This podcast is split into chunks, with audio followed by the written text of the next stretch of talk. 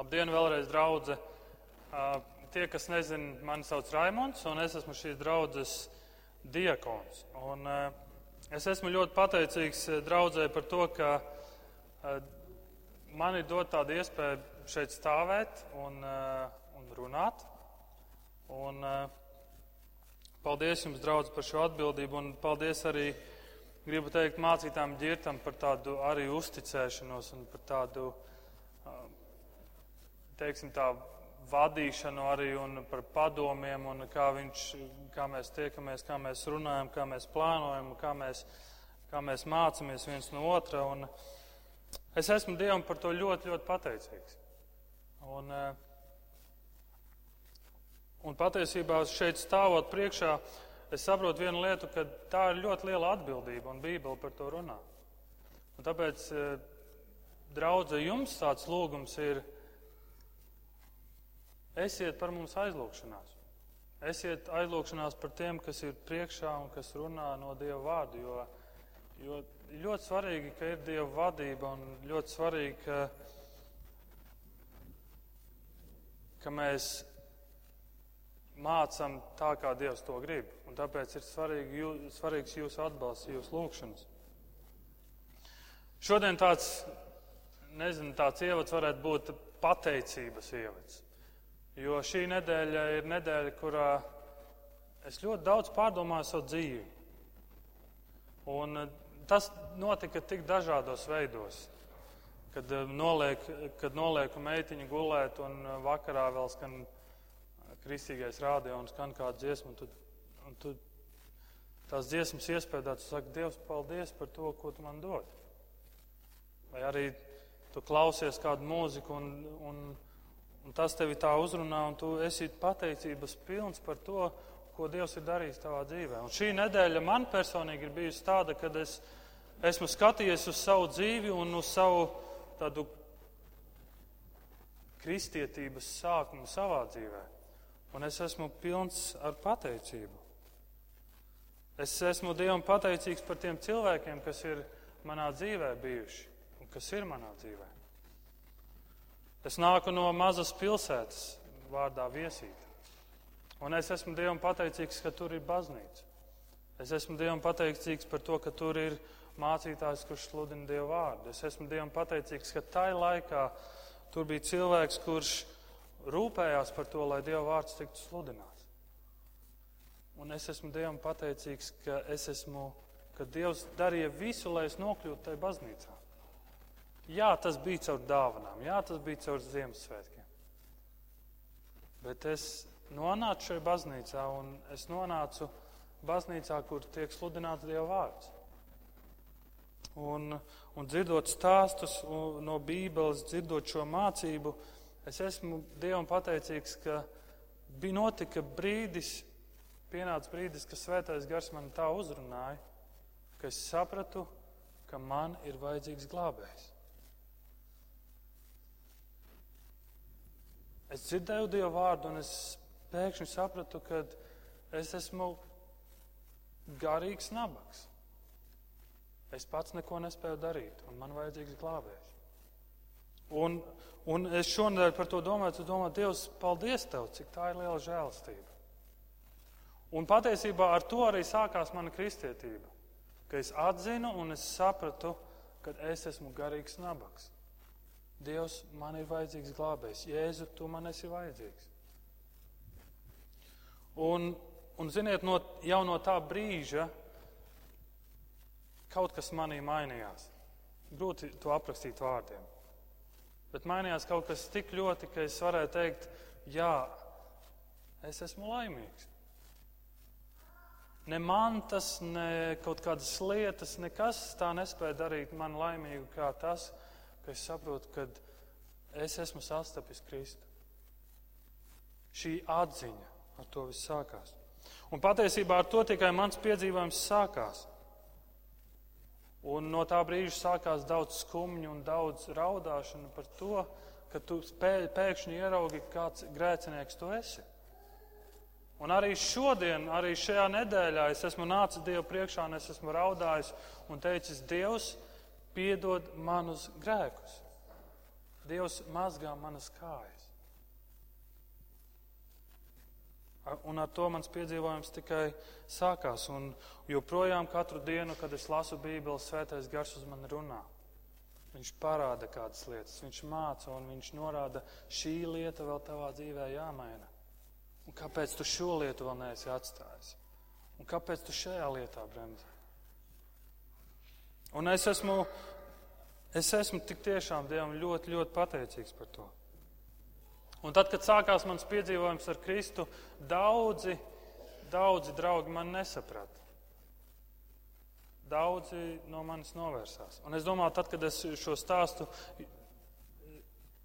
šo visu saku, iespējams, jūs redzat savu dzīvi, savu piedzīvojumu, kad draugi nesaprot.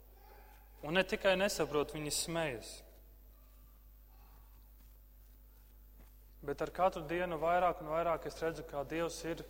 Un no tā brīža, no tās mazās pilsētas, no tās baznīcas, es redzu, kā Dievs ir mainījis manu raksturu. Es nestāvu šeit jūs priekšā un nesaku, lūk, skatieties, etalons, piemērs, ideāls. Tā nav. Bet tas, ko es redzu no tā brīža, Dievs ir mainījis manu raksturu. Jā, Dievs man dara pacietīgāk mana reakcija uz kaut kādām lietām ir pavisam citādāka. Ja, ja toreiz par mani smējās un nievāja, tad mana reakcija bija daudz asāka, varbūt, tā ir šodien. Un to visu dara Dievs caur Svēto garu. Bet, ziniet, taču brīdī, kad es sastapu Kristu, kad man sāka, dzīve sākās ar Kristu, es sapratu, ievēroju vēl vienu lietu. Man sāka slāpt. Man sāka gribēties vairāk dzert un ēst garīgā nozīmē. Jo vairāk es meklēju, jo vairāk es sapratu, jo vairāk es ieraudzīju, man slāpst un es gribu iepazīt Dievu vēl vairāk. Un eh, šodien jau es nezinu, kurš gads ir Vīlandē un cik gadus es esmu bijis viesītē. Katru svētdienu atnākot, es dziedu dziesmu, un ja mēs kopā dziedam, tu man esi vajadzīgs. Un katru dienu, un nākamā svētdienā es atnākšu un es dziedāšu dziesmu, un es teikšu, tu man esi vajadzīgs. Atkal un atkal. Un man slāpst ar vien vairāk, un es saņemu Dievu vēl vairāk, un man slāpst ar vien vēl vairāk. Un Kristus saka, laimīgi jūs, kas esat izslāpuši jo jūs tiksiet pāēdināti un padzirdināti. Un ejot ar Dievu caur šo dzīvi, pamanīju tādu lietu kā sāpes. Sāpes. Tu pamani, kad tev sāk sāpēt netaisnība, kas notiek apkārt. Tu pamani, ka tev sāk sāpēt netaisnība, kas notiek pasaulē. Tu lasi ziņas, tur tev sāp, kāds nomirst vai Tu sāc pamanīt, ka tev sāk sāpēt to, ko tu redzi skolā, darbā, to, ko tu redzi kaimiņos. Bet vēl vairāk sāk sāpēt tas, ka tu redzi, ka apkārtēji cilvēki vēl nepazīst Kristu. Un es, es, es ticu, ka arī jūs to pamanat savā dzīvē. Tu redzi, kā šīs lietas ir, ir bijušas tavā dzīvē kaut kurā noteiktā posmā. Un tev sāp, redzēt, tev sāp tas, ka tu redzi, ka cilvēki savā dzīvē saka, man Kristu nevajag. Es pats esmu savas dzīves noteicējis. Es pats savu dzīvi vadīšu tā, kā es to vēlos. Un tad, kad tu staigā ar Kristu, tad, kad tu turpini, tad, kad tu pieaug Kristu, tad, kad tu pieaug šajās attiecībās, tu pamani vēl kādu vēlmi. Tev ne tikai sāp, tev ne tikai ir žēl, bet tev ir vēlmes citiem par to pastāstīt. Un tad tu sāc kļūt tāds kā labās ziņas nesējs. Un šīs labās ziņas ir, ka tu pastāst kādam šīs labās ziņas un kāds notic tam. Tad cilvēku dzīvē ienāk miers. Un tad tu kļūsi tāds kā miera nesējs. Ne? Un Kristus saka, laimīgi mieru nesēji. Un tās ir miera ziņas. Protams, ne visi tās pieņem. Protams, ne visi tās uzreiz saprot. Un, protams, tas ir laiks, kad ir daudz šaubu, kad ir daudz izvērtēšanas un domu, vai tiešām man to vajag darīt, varbūt tiešām tas nav to vērts, vai tiešām man ir vērts būt par tādu kristieti, kā Bībele to saka. Vai tiešām tas ir to vērts? Ir tik daudz ciešanu, ir tik daudz nērtu situāciju un, un, un stāstīt, tas, tas nav ērti vienmēr. Un tas nav vienkārši.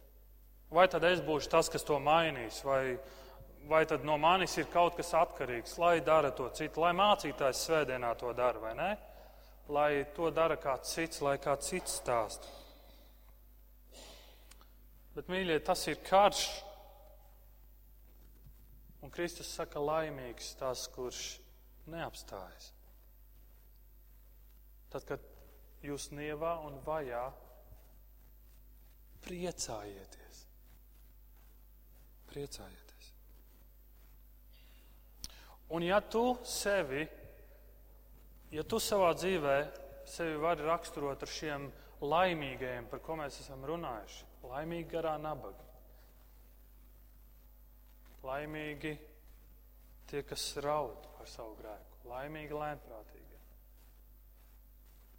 laimīgi žēlsirdīgi, sirdsšķīsti, miera nesēji.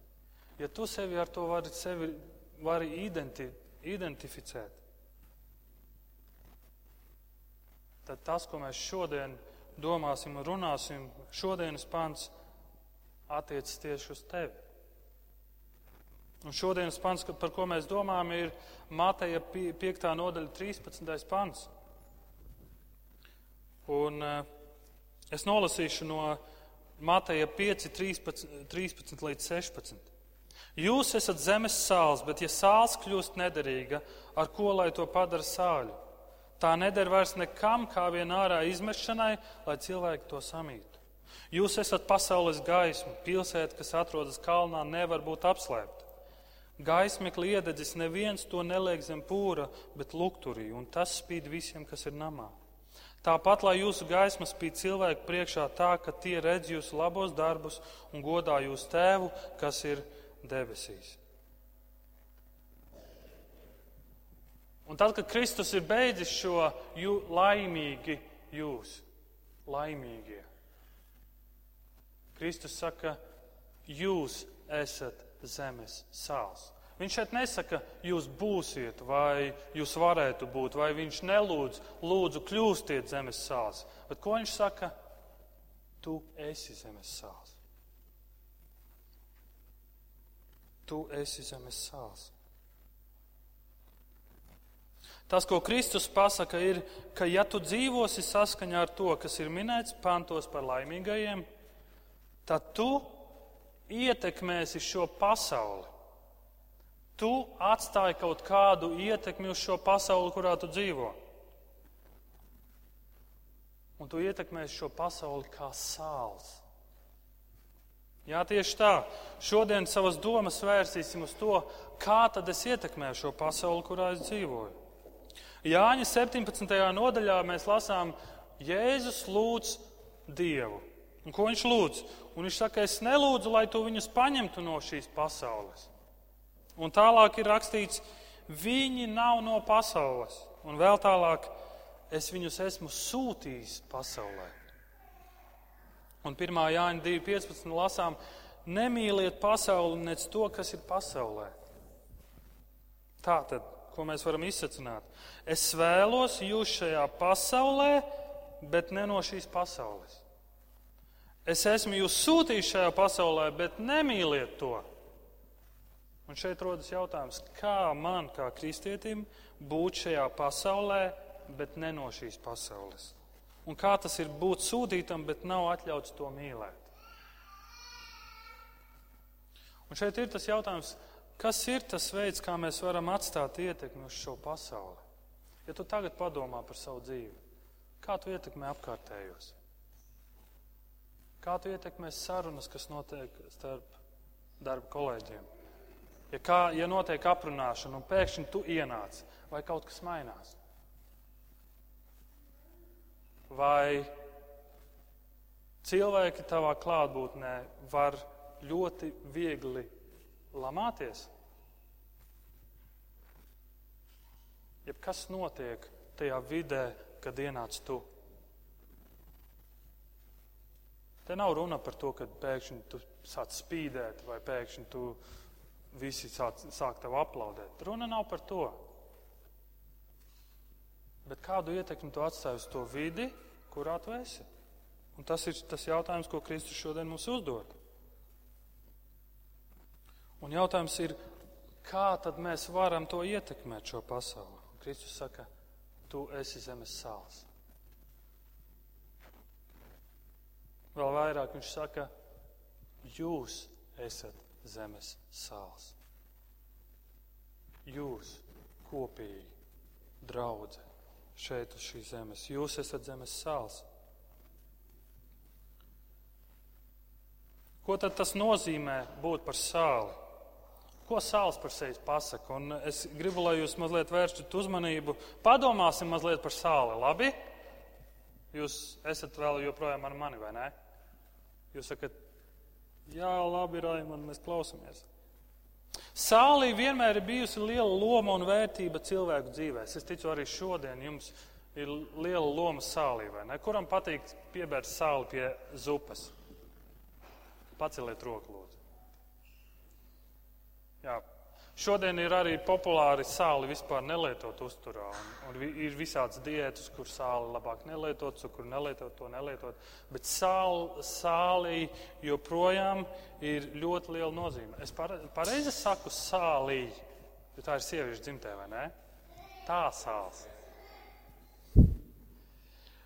Sālī ir ļoti liela nozīme cilvēku dzīvēs, un tā ir bijusi arī vēsturē. Grieķu laikā sāls viņam bija kaut kas dievišķs. Viņam bija sāls ļoti nozīmīgi. Romieši par sāli sacīja tā. Romieši sacīja, ka nav nekas svarīgāks par sauli un sāli. Romiešiem tas bija ļoti svarīgi, jo viņi gaļu varēja saglabāt, saulainā laikā gaļu varēja saglabāt tikai, ja tev bija sāls. Sāls bija kā aizsarglīdzeklis. Vai jūs zinājāt, ka romiešiem, romiešu kareiviem tika maksāts ar sāli? Ja tu biji slings kareivis, tu nebija cienīgs saņemt savu sāls algu. Šodien jauna vēsture rāda, ka sāls bija arī draudzības zīme. Un arī šodien Arābu pasaulē, Arābu zemēs, mēs redzam, ja kāds dalās ar citu, ar savu sāli, tad tas nozīmē, ka viņi viens par otru ir uzņēmušies rūpes. Tā ir kā zīme, tā ir kā simbols tam, ka ja viņi ko dalās ar savu sāli, viņi ir uzņēmušies atbildību. Es atceros, jā, es atceros bērnībā, ik pa laikam pie kaimiņa gāju, vai jūs varētu iedot mazliet sāli? Jā, bet toreiz tas nenozīmē, ka mēs uzņemamies viens par otru rūpes. Interesanti, jā. Slāviem arī. Nu, redz. Tātad sāls tika lietots kā samaksas līdzeklis, kā draudzības simbols un tika izmantots līguma vietā, derības vietā, kā derība. Otrā laiku grāmatā 13.5 mēs lasām. Vai jums nav zināms, ka tas kungs Izraēla dievs ir nodevis ķēniņa valsts varu pār Izraēlu Dāvidam uz mūžīgiem laikiem? Gan viņam, gan viņa dēliem ar sāls derību.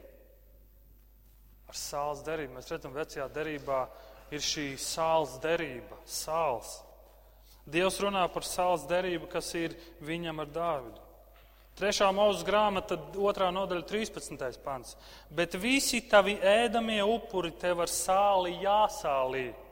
Un lai nekad netrūks pie tava ēdamā upura, tava dieva derības sāls, nesot savus upurus, tev tos būs upurēt ar sāli. Sāls. Tātad, ja Jēzus sacīja šos vārdus, tad ļaudis, kas klausījās, varēja domāt dažādas domas par sacīto vārdu. Tie cilvēki, kad Jēzus saka, jūs esat zemes sāls, tie ir cilvēki, kas zina veco derību. Un viņi varēja domāt, Jēzus saka, ka es esmu svarīgs? Vai viņi varēja arī domāt, Jēzus saka, ka mēs esam īpašie, vienīgie īpašie cilvēki uz šīs zemes? Jēzus 30, 24. Vērši un ēzeļi, kas apstrādā drūvu, ēdīs sālītu mistru, kas sajaukts un vētīts ar liekšķeri un vētikli. Un ieklausieties, Ecehiela grāmatā, 16. nodaļā, 4. pantā, cik interesanti. Tava piedzimšana, tai dienā, kad tu piedzimi, nepārgrieza tavu nabas saiti nenomazgāja tevi ar ūdeni, lai tu būtu šķīsta, nenoberza tevi ar sāli un neietina tevi autos. Interesants sāls pielietojums, vai ne? Tad, kad tu piedzimi, tas, ko cilvēki mēdz darīt, ir noberza tevi ar bērnu, noberza ar sāli, lai pasargātu no visādām kaitēm. Sāls. Un mēs redzam arī vecajā darbā, kad sāls tika lietots arī iznīcinošiem mērķiem. Soģu grāmata 945. Tā abi Meleks karoja pret pilsētu visu dienu, un viņš arī ieņēma pilsētu un nokāva visus ļaudis, kas atradās pilsētā. Un nopostījis pilsētu, pārkaisiet to ar sāli. Un tagad, kad mēs aplūkojamies uz visām šīm rakstu vietām, ko mēs skatāmies no vecās derības, jautājums, nu, kāda tad ir mūsu funkcija kā sālī? Ko tad Kristus saka? Mums ir jāiznīcina kaut kas, vai mums ir kaut kas jāsaglābj? Un es gribu, ka mēs arī, un es gribu, ka jūs uzmanīgi man sekojat, un ka mēs varam apskatīties, Ko kādi komentētāji, kādi dievu vārda studētāji, skaidrotāji saka? Pirmkārt, daudzi saka, ka Jēzus vārdi, jūs esat zemes sāls, attiecas uz tīrību un šķīstību. Sāls ir balts vai ne? Kaut kas tīrs, kaut kas balts. Tātad tev jābūt baltam. Kāpēc jūs nevelkat baltas drēbes uz dievkalpojumu? Iespējams, kāds to saistā ar 8. pantu no, 5, no Mateja 5. nodaļas par laimīgi sirds šķīstie. Un sava daļa taisnības te ir. Mums ir jābūt šķīstiem, tīriem šajā pasaulē. Mums ir jāievēro Dieva standarti. Mūsu valodai ir jābūt tīrai un darbiem jābūt godīgiem, taisniem. Bet tas noteikti nav viss, ko Jēzus ar to grib pateikt. Jo, ja tu sāli izņem, iznes ārā un paturi kādu laiku ārā, drīz vien būs apkārt putekļi un sāls būs pelēka. Kādi skaidro šo pantu, ka mēs esam garša uz šīs zemes? Kad kristieši kā sāls ir kā tāda garša. Mēs piedodam šai pasaulē tādu garšu. Jo pasaulē ir pelēka, sabojāta, neinteresanta un, un tā tālāk. Un tā tālāk. Un tāpēc ir kristieši šai pasaulē, kas piedod garšu.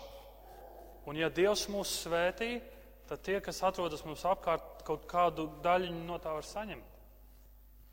Bībelē rakstīts, ka tad, kad Dievs sūta lietu, viņš lietus līdz gan pār ticīgajiem, gan pār neticīgajiem. Ka mēs esam tāda kā garša šai pasaulē. Vēl Bībelē rakstīts par to, ka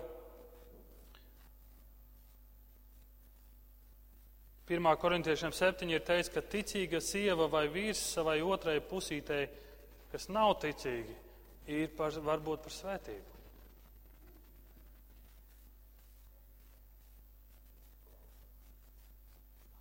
Kāda būtu šī pasaule bez kristiešiem. Bet patiesībā mēs par to arī iepriekš esam runājuši, ka pasaule uz mums skatās ar naidu, ienīst, izsmēju, uzskata par muļķiem. Un, viņi, un pasaule skatās uz mums, un pasaule saka, hei, mēs šeit priecājamies, mums šeit notiek ballīte, bet jūs, kristieši, nākat un to visu gribat sabojāt.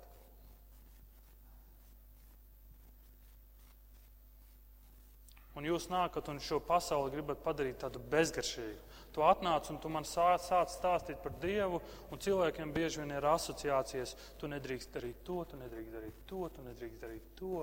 Viss tev ir aizliegts, tu neko nedrīkst šajā pasaulē, uz šīs zemes vai nē. Un tad sāk domāt, vai mēs tiešām esam garši šai pasaulē. Jā, mēs savā ziņā esam kā tāda garša. Jūs esat zemes sāls, Kristus saka.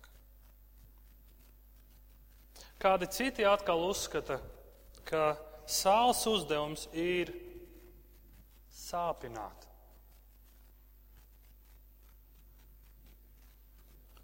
Tātad mēs neesam tikai balti, un mēs ne tikai piedodam garšu šai pasaulē, bet arī esam kā medicīnas līdzeklis, kas palīdz, ja sāli uzliek uz rētas dziesmu Krievu valodā. Neber sāli man uz rētas. Kādi no jums iespējams zina šo dziesmu? Tātad ticīgie nav tikai kā medus apkārtējiem, bet gan kā sāpes. Jūs esat zemes sāls. Tātad tu redzi problēmu, tad tu meties tajā iekšā kā sāls un liec tam sāpēt. 2. korintiešiem 2, 15 līdz 16. Jo dievam mēs esam Kristus labā smarža, gan to vidū, kas tiek glābti, gan to, kas iet pazušanā. Vieniem tā ir nāves smarža, kas nes nāvi, otriem dzīvības smarža uz dzīvību. Kas visam tam ir gatavs? Citiem vārdiem sakot, mēs esam kā medus ticīgajiem un kā sāls tiem, kas netic. Daudzi no, no mums mēs to nepamanām un domājam, ka esam aicināti dzīvot komfortabli, nevienam neko neizrādot. Un kā tik viņš nesadusmojas uz mani? Bet mums ir jābūt kā sālīs šajās rētās. Sāls, kas patiesībā palīdz, kas ir kā ārstniecības līdzeklis, bet tas sāp. Jāņa 20, 23 rakstīts, kam jūs grēkus piedosit, tiem tie tiks piedoti, kam paturēsiet, tiem paliks. Es atceros, kādu laiku atpakaļ bija, bija, kāds, bija kāds cilvēks, kurš sāka nākt uz Vīlandi. Un, tā nu sanāca, kad sanāca man ar viņu daudz runāties, daudz tikties arī ārpus svētdienām, un viņam bija daudz, daudz, daudz jautājumu. Jauns cilvēks. Un uh, mēs tikāmies, viņš uzdeva daudz jautājumus, nevienmēr man bija atbildes, bet es mēģināju atbildēt, un tad es viņu aicināju uz, uh, uz uh, mazo grupiņu, un, un, un tad viņš nāca, viņš iesaistījās. Viņš pieteicās kristībā, viņš tika kristīts. Un likās, paldies Tev, Dievs! Prieks par to. Un tad vienā brīdī es dzirdu kaut ko tādu no citiem, ka viņš dara kaut ko tādu, kas, ko draudz īsti nevar atbalstīt. Un tas, ko es darīju, ir, es aizbraucu pie viņa un, eh, un pie šīs meitenes. Es satikos ar viņiem abiem un teicu, ka tas, ko jūs dariet, nav pareizi. Es, es jūs mīlu, un eh, jūs man esat svarīgi, bet tas, kā jūs rīkojaties, nav pareizi. Jūs domājat, tas bija, viņi to uzņēma ar prieku? Jūs domājat, tas bija tā forši, ka tu te atbrauc vispār, ka tu ar mums satikies. Paldies tev! Nē, tur bija daudz attaisnojumu, tur bija daudz, daudz viskaut kas. Un pēc tam es, es aicināju ģirtu un mēs runājām kopā. Un, un kā Bībele to saka? Diemžēl šodien šis cilvēks nav šeit. Bet, bet jūs redzat, man liekas, mūsu kā kristiešu pienākums ir būt kā šai salī, kas, ja tu redzi, tu, tu centies palīdzēt. Un tas sāp.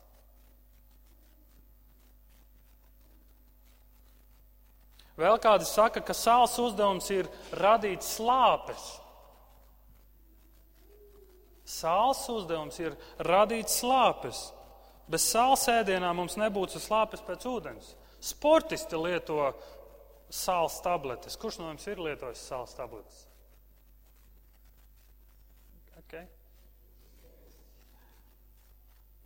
Bet viņi šīs sāls tabletes lieto ar tādu mērķi, lai viņiem slāpst un lai viņi vairāk var dzert ūdeni. Jūs esat zemes sāls. Ja cilvēki skatās uz tavu dzīvi, vai viņiem rodas jautājums, Klau, kāpēc tu esi citādāks? Kas ir ar tevi? Tu esi tāds, tāds, tu esi tāds mainījies, vai tu esi citādāks? Redzēt, cilvēkiem sāk rasties slāpes. Viņi sāk jautāt, viņi sāk meklēt, viņi, sāk ja, sap, viņi mēģina saprast, kas tas ir. Un Kristus saka, ja tu sevi identificē ar tiem laimīgajiem, par ko mēs runājām, tad tu esi zemes sāls. Tad tu ietekmēsi šo pasauli, tad tu ietekmēsi to vidi, kurā tu atrodies. Tu to vienkārši ietekmē un zini, kāpēc? Tāpēc, ka tu esi laimīgs. Tāpēc, ka tu esi to, tas, kurš ir garā nabaks, tas, kurš raud par savu grēku, tas, ir, tas kurš ir žēlsirdīgs, tas, kurš ir šķī, sirds skaidrs, tas, kurš ir miera nesējs, tas, kurš ir gatavs panest arī izsmieklus. Tad tu ietekmēsi šo pasauli saka Kristus. Bet vai tikai tas ir mūsu uzdevums? Vai tikai tas ir tas, ko Kristus bija domājis? Ja mēs skatāmies uz pasauli, tad redzam, ka šī pasaule nekļūst labāka, tā kļūst tikai sliktāka. Girts kādreiz minēja, ka ir kādi mācītāji, kuri vienā rokā tur avīzi, otrā rokā tur bībeli. Šodien es varētu turēt iPadu un Bībeli, un mēs varētu skatīties ziņas lasīt Bībeli un redzam, ka tas, ko bija, kas Bībelē rakstīts, tā ir patiesība. Un pasaule kļūst ļauna, tā ir ļauna un tā nekļūst labāk. Bet tāpēc Kristus saka, bet tieši tāpēc jūs esat zemes sāls, tieši jūsu dēļ šī pasaule tiek saglabāta šī pasaule tiek aizsargāta, ja paglābta no dieva dusmām pagaidām. Jūs atcerieties, ko Kārlis lasīja pašā sākumā? Kārlis lasīja par Ābrahāmu, kurš tirgojas ar Dievu. Viņš tirgojas ar Dievu un viņš, un viņš nāk Dievu priekšā un saka, Dievs, nu, ja tur būs kādi taisni cilvēki, vai tu neiznīcināsi šo pilsētu, šo Sodomu un Gomoru? Dievs saka, jā, ja tur būs 50. Un Abrahams saka, nu jā, Dievs, bet ja piedod, ka es uzdrīkstos vispār runāt ar tevi, Dievs, bet ja pieci būs mazāk. Un Dievs dara šo matemātiku. Viņš saka, jā, 45, jā, un, un aiziet līdz 10. Un aiziet līdz 10, un Dievs saka, ja tur būs desmit taisni cilvēki, es šo vietu neiznīcināšu. Un tur nebija. Un pirms viņš, viņš iznīcināja šo vietu, ko Dievs darīja, viņš izveda šos taisnos ārā. Jūs redzat, ja būtu kaut desmit, desmit taisni cilvēki, Dievs saglabātu šo pasauli. Jūs esat zemes sāls ja jūs dzīvojat tā, kā Kristus to saka?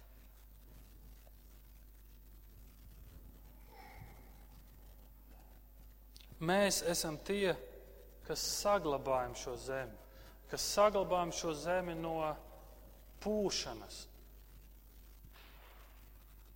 Jā, tas ir tas, ko sāls dara. Mēs bieži vien sāli arī sāl, sālām gaļu, lai gaļa nesabojātos un tā tālāk. Un tā tālāk. Dievs nāks sodīt šo zemi, tas ir rakstīts Bībelē, bet pirms viņš to dara, viņš taisnos paņems prom. Un tad sodīs. Un ja mēs aplūkojam 10. līdz 12. pantu, mēs redzam šeit rakstīts, laimīgi taisnības dēļ vajātie, jo viņiem pieder debesu valstība.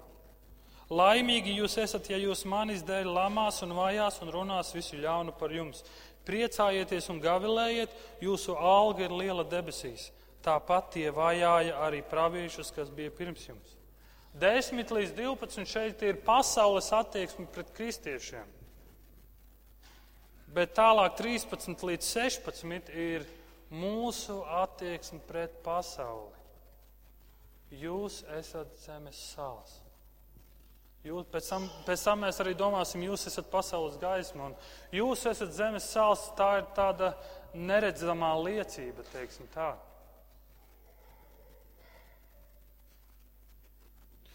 Un vēl viena svarīga lieta. Ja sāls kļūst nederīga, ar ko lai to padara sāļu? Un šeit ir šis jautājums par Nevis to, ka mēs kaut ko varam pazaudēt, nevis par to, ka mēs varam pazaudēt savu glābšanu. Bet šeit ir jautājums uzdots ar domu, nav neviens cits, kas to darīs mūsu vietā.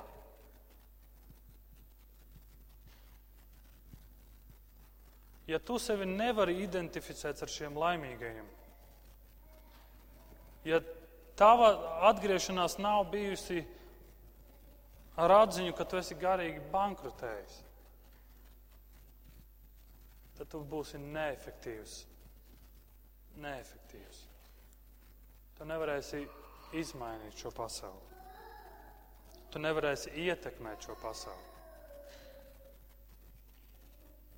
Un te ir jautājums, kurš gan cits? Ar ko tad lai padara to sāļu? Kurš gan cits tad to darīs, ja ne mēs, kristieši? Kurš cits tas būs? Diplomātija, politika, kurš cits? Nē, mūsu dzīves. Kāda ir tava dzīve? Kādu ietekmi tu atstāji uz cilvēkiem? Vai tu vispār atstāji ietekmi uz cilvēkiem? Ja tu vari teikt, jā, es esmu laimīgs. Tā no sirds. Un tu redzi šīs lietas, kas ir notikušas tavā dzīvē. Un ja tu centies un tu mīli Kristu un mēģini viņu iepazīt, un esi gatavs, kad arī tevi izsmēj, tu ietekmēsi šo pasauli. Tu būsi kā sāls. Tu būsi kā sāls.